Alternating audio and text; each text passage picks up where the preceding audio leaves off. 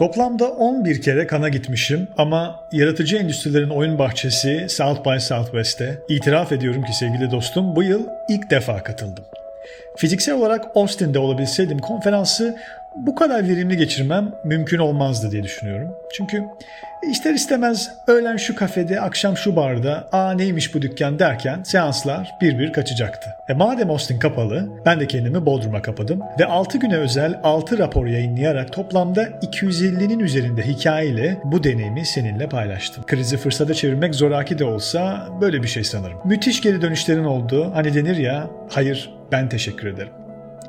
Hadi sana bir itiraf daha. Trend raporlarını çok sıkıcı buluyorum. Yeni içerik tüketimi alışkanlıklarını göze alarak hazırladım bu yapıyı. Yani aslında story attım diyebiliriz. Daha atıştırmalık olan bu formatın sindirimi de daha kolay oluyor. Hani infotainment denir diye bir ara. Onun gibiyiz biraz. Doğadan bahsederken koala olarak not düşebilmek, startuplardan bahsederken unicorn olarak konuşmak bence eğlenceli. Henüz bakmadıysan Instagram'ıma beklerim. Şimdi gel tüm festivale şöyle yukarıdan bir bakalım. Bu üçten baktığım zaman vardığım en büyük tema disiplinlerin füzyonu ve hümanizme dönüş. Müzik endüstrisinin oyun sektörüyle füzyonu, biyoteknolojinin 3D yazıcılarla buluşması, tasarımın doğayı merkeze alışı, TikTok'la haberciliğin başka bir form alması gibi üst başlıklarda sıralamak mümkün. İlk gün çoklu gerçeklik varlıkları haline aldık. Bu hemen hemen her şeyde olduğu gibi büyük fırsat ve tehlikeleri birlikte getiriyor. Tek bir gerçeklikle baş edebilmeyi tam öğrenememişken diğerlerini nasıl dengede tutacağımız bir merak konusu. Yalnızlığımızı bizim gibi diğer organik varlıklarla giderebilmek yerine tam da duymak ve hissetmek istediklerimizi bizi besleyen algoritmalara teslim ettiğimizde nasıl bir sonuç doğacak? Meta insanlar dijital ortamda biz ne kadar gerçeksek onlar da o kadar gerçekler artık. Piksellerin hakimiyeti on onların ellerinde. Şimdilik bir kısmı bize yardım etmek için burada. Bir kısmı takipçileri olmamızı, dikkat ekonomimizden pay çalmak istiyor. Peki sonra? Hemen küçük bir kehanet bırakıyorum buraya. Yakın gelecekte işveren olacaklar. Onların kurdukları şirketlerin insanlarınkinden daha verimli olması beklenir ama beklenmediği kadar adil de olabilirler. Öte yandan insan ve makine arasındaki veri ve komut akışını fiziksel sınırlamaların ilerisine geçirmek için birçok adım atılmış durumda. Neuralink biliyorsunuz Elon Musk'ın girişimi ve Facebook, Mark Zuckerberg'in bebeği bu işin öncüleri. Bu kontrol teknolojileri günlük hayatımıza girdiğinde bir cihazdan bir şey yapmasını istemeyi düşünme onun o şeyi yapması için yeterli olacak. Hey Siri, anladın sen. Uzun vadede bu dillerin makineler üzerinden gerçekleştirilen telepati altında çözülmesi demek. Küresel tek bir dile gelecek yüzyılda varabileceğimizi düşünüyorum. İkinci gün birkaç büyük oyuncunun sunduğu araç teknolojiler ortak paydada buluşabileceğimiz bir kültür teknolojisinin yaratımını engelliyor. Müthiş bir tespit. Zaten en iyi işgörüler biz balıklara denizin farkına vardıran bakış açılarından geliyor. Bruce Maun yaşam odaklı tasarım dediği şey de biraz bu aslında. Yani insanları değil yaşamı merkeze alan bir bakış açısı. Burada da girişimcilik dünyasında sıklıkla bahsedilen unicorn olgusuna yeniden bakmak lazım bence. Geleceğin endüstrisinde 1 milyar dolara ulaşanlar mı kazanmalı yoksa ısrarla ekolojik hayatı merkeze alanlar mı? Gaming ve müzik sektörleri arasında eskiden beri görülmez bir bağ var. Herhangi bir oyundan bahsettiğimizde her ne kadar öncelikle görsel varlığından bahsetmek istesek de sesin görüntünün en azından yarısı olduğunu çok iyi biliyoruz. Burada Fortnite ve Travis Scott örneğini vermeden geçemeyiz. Ama asıl ilgilenmemiz gereken bir kullanıcı gözünden müthiş bir deneyim olduğundan bahsetmekten çok Fortnite'ın sahibi Epic Games'in dünya turnesine çıkan dev sanatçılar için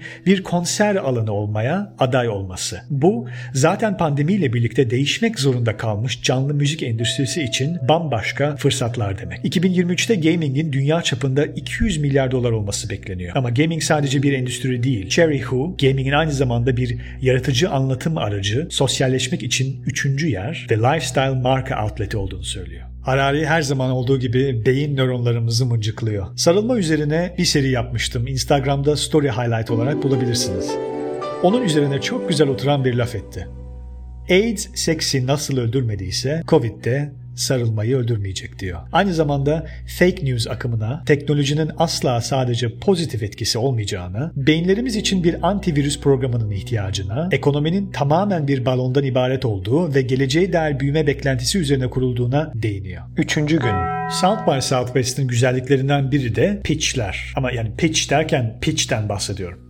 Konu kümeleri bile ilham veriyor. Gel şimdi onlara biraz bakalım. Yapay zeka, robotik ve ses. Teşebbüs ve akıllı veri. Eğlence, oyun, ve içerik. İşin geleceği. Sağlık ve giyilebilir teknolojiler. İnovatif dünya. Akıllı şehirler, ulaşım ve lojistik. Sosyal ve kültürel içerikler. Finale kalan ve kazanan fikirleri incelemeni öneririm. Finalistleri bazı Z raporlarının içine yedirdim ama kazananları 5. günün Z raporunda bulabilirsin. Okyanus hikayeciliği seansında James Cameron, Nature ile birlikte yaptıkları projede toplanılan her görüntünün okyanuslardan bir hediye niteliğinde olduğunu altını çizdi. Balinalar sandığımızdan çok daha özel varlıklar. Mesela insanlar gibi çocuk yetiştirme şekilleri, özgün yiyecek tercihleri, şarkı yarışmaları ve dillerinde lehçeleri var. Brian Scurry, belki de kültür lensiyle insanların okyanusa bakış açılarını değiştirebiliriz diye ekledi. Kanadalı tasarımcı ve eğitmen Bruce Mao yeni kitabı MC24'u tanıttı ve yaşam odaklı tasarım felsefesinde neden insanları merkeze koymadığını açıkladı. Pozitif bir gelecek için empatinin gerçek anahtar olduğuna inanıyor. Hem fikir olmamak mümkün mü? Konferansı ara ara